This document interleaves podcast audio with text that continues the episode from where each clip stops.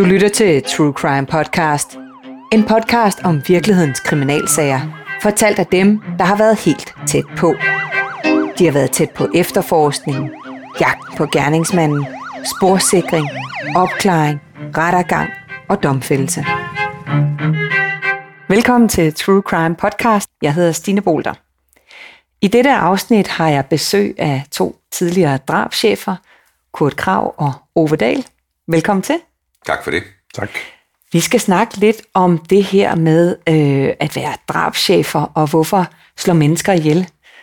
Og jeg er rigtig glad for, at I er kommet i dag, og I har jo skrevet en bog sammen, hvor jeg har været så heldig at være øh, ghostwriter på, der udkom i 2016, som hedder Drabscheferne, de største sager, hvor vi blandt andet også er inde på de her syv motiver til at slå ihjel. Fordi hvorfor kan mennesker finde på at slå ihjel? Ja, hvis vi tager motiverne, så kan jeg sige i hvert fald, ud, ud af de syv motiver, som, som vi har med i vores bog, så er det jo sådan, at, at jalousi-motivet er vel den, den, den mest anvendte, eller den, der er årsag til, at, at der bliver begået drab. Øh, fordi det er jo sådan, at langt de fleste drab, det er de såkaldte kontaktdrab. Det er nogen, der kender hinanden, det er nogen, der har en relation til hinanden. Det kan være den nærmeste familie, eller arbejdskolleger, eller bare nogen, der har en relation til hinanden.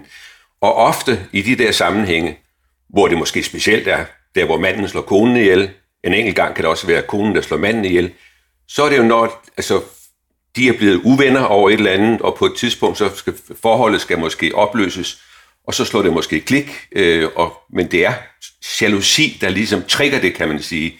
Altså manden, han øh, mister, eller man, man kan sige, manden, han, øh, altså talens brug er ikke nok, og så videre, og så Øh, han kan ikke overskue konsekvenserne af, at pludselig skal være alene, og hvad skal der ske med børnene, og, og, og, og det er jalousimotivet, der driver det øh, til, at manden slår konen ihjel, mm. eksempelvis. Eller i værste fald er det også de der store familietragedier, hvor, det, hvor, hvor, hvor manden både slår øh, konen og børnene ihjel, og så i nogle enkelte tilfælde sig selv. Men, men ellers, det er jalousi. Det er et af de værste motiver, kan man sige. Hvad, øh, hvad siger du, Kurt? altså hvis vi tager udgangspunkt, og det er jo det, vi taler om, de her syv drabsmotiver, øh, så kan man sige, at der er jo flere af de motiver, som, som øh, øh, hvor at udgangspunktet for gerningsmanden faktisk ikke har været at slå ihjel. Altså hvis vi tager det motiv, som Ruben har været inde på her, jalousimotivet, så er der jo rigtig mange af de drabsager, vi har haft her, hvor det slet ikke har været drabsmandens eller gerningsmandens hensigt at slå ihjel. Det er bare sket i situationen, og det er derfor, det bliver de bliver øh, øh, vurderet til at være affektdrab. Altså det, det er der, hvor er hans forsæt, som det hedder, altså hans intention, det, det, den, den har måske kun varet i nogle få sekunder. Det er også derfor, de får så lidt i straf. Altså desto kortere tid der er fra, at du tager beslutningen om at dræbe og til det sker, desto mindre straf får du. Hvorimod, hvis det er noget, du har gået og forberedt over længere tid, så får du maks straf. Sådan er det jo. Øh, men, men hvis vi tager, på, tager sådan et, et, et, et motiv som profit, altså hvor at du får en økonomisk vinding af, af at begå drabet, der, der, hvis du tager sådan en simpel ting som et røveri øh, på en tankstation, hvor det ender med, at, at ham, der står derinde, den ansat, der står derinde, han bliver dræbt af, af røveren. Det er meget sjældent været røverens intention, fortsæt at dræbe. Men det sker bare fordi, at den ansatte, han måske gør modstand, han forsøger at tage et våben, eller gør et eller andet, som, som gør, at situationen eskalerer, så ender det med et drab. Mm.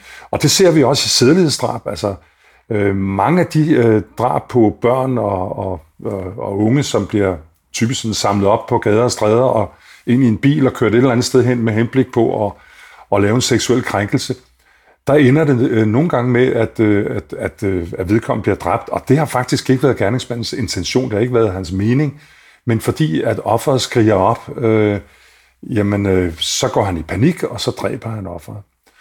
Så, øh, så man kan sige, øh, altså hvad er det, der får folk til at slå ihjel? Jamen, det er situationen, der nogle gange gør det. De fleste drab bliver begået i en form for effekt. Der er faktisk ikke mange, hvor at man sådan virkelig øh, har forberedt det.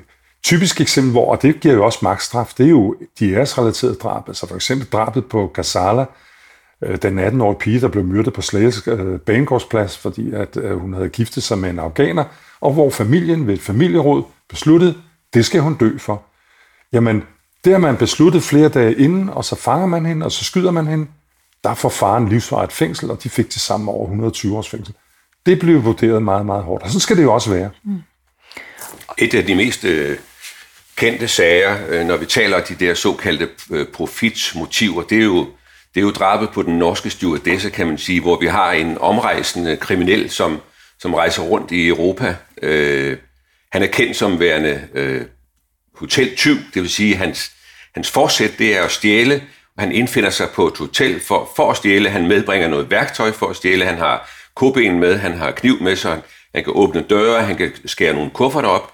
Og, og så i den her situation med stewardesse-sagen, jamen, der møder han så en stewardesse, som, eller en, en kvinde, som er på et værelse, hvor han ikke regnede med, at der var nogen. Han kom kun for at stjæle, men så, som Kurt lige fortæller, så opstår den der situation, den der konfrontation, hvor han i princippet bare kunne være vendt om og være gået sin vej, øh, da hun nu er på det her værelse. Men i stedet for kommer konfrontationen. Øh, det kan godt være, at hun kaster et eller andet efter ham og skriger op, men, men så tilføjer han hende jo rigtig, rigtig mange lesioner og ender så med at slå hende ihjel. Og hans udbytte var jo ingenting. Det var jo en flaske sprut fra barskabet, og så en mobiltelefon og nogle små håndører. Så, så det er jo lige præcis det, Kurt er inde på, det der med, at når situationen opstår, så får vi også drabet. Det er ikke noget, der er planlagt. Mm. Og det var en af de sager, du, øh, da du var drabschef ved Københavns Politi? Ja, det var en af mine sidste sager der i 2010 i marts måned på et hotel på Amager, hvor vi har den øh, rumænske 58-årige mand, som, som altså er en omrejsende kriminel, der begik det drab.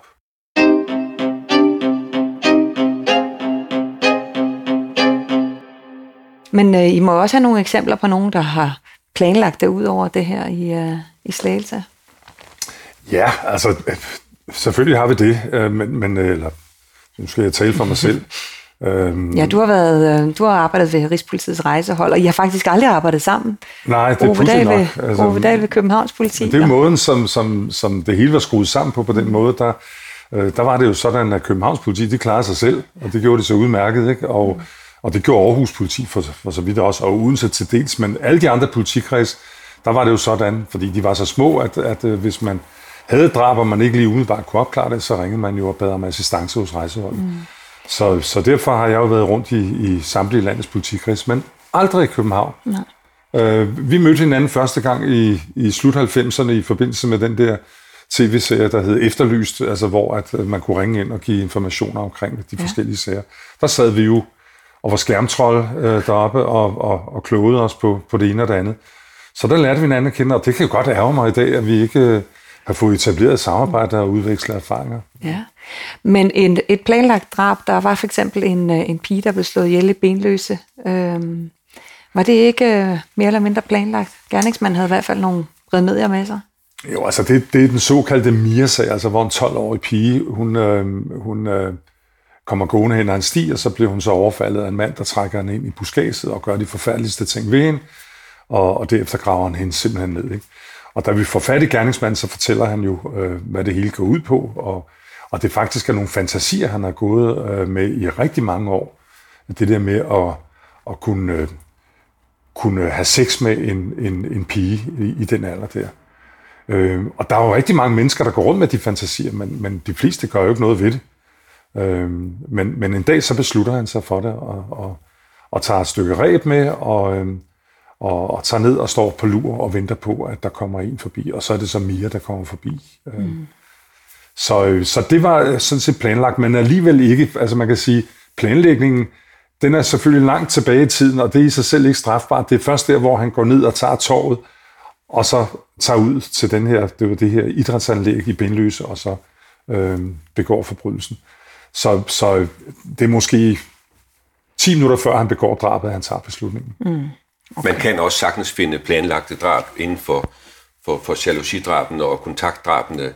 Jeg husker i hvert fald en sag ud fra Amager, hvor øh, et ægtepar jo øh, gik fra hinanden, fordi konen havde, havde fundet en ny, og det ville manden slet ikke acceptere. Han blev simpelthen grebet så meget af jalousi, så han var nødt til at foretage sig noget. Så om formiddagen der købte han et gevær nede i, i Køge, og så rettede han henvendelse ud på adressen kl. 2 om eftermiddagen, og der skød han simpelthen den nye mand, der var kommet ind i forholdet. Man kan måske diskutere, om der sådan også er noget hævnmotiv i det, men han var drevet af jalousi, så det baskede. Mm. Ja. Det er jo en rigtig spændende historie, I kan fortælle øh, begge to, og sammen ikke mindst. Og det kan man jo høre, når man tager rundt i landet og kan, kan hilse på jer, eller I tager rundt i landet. Vi når i hvert fald ikke mere i dag, men tusind tak, fordi I vil komme og besøge mig her i dag. Tak. Det var alt her for den her podcast, Drabscheferne, hvorfor slår mennesker ihjel? Du lytter til True Crime Podcast, præsenteret af True Crime Agency. Jeg hedder Stine Bolter, og du kan læse meget mere om virkelighedens kriminalhistorie på truecrime.dk, hvor du også finder flere udgaver af de her True Crime Podcast.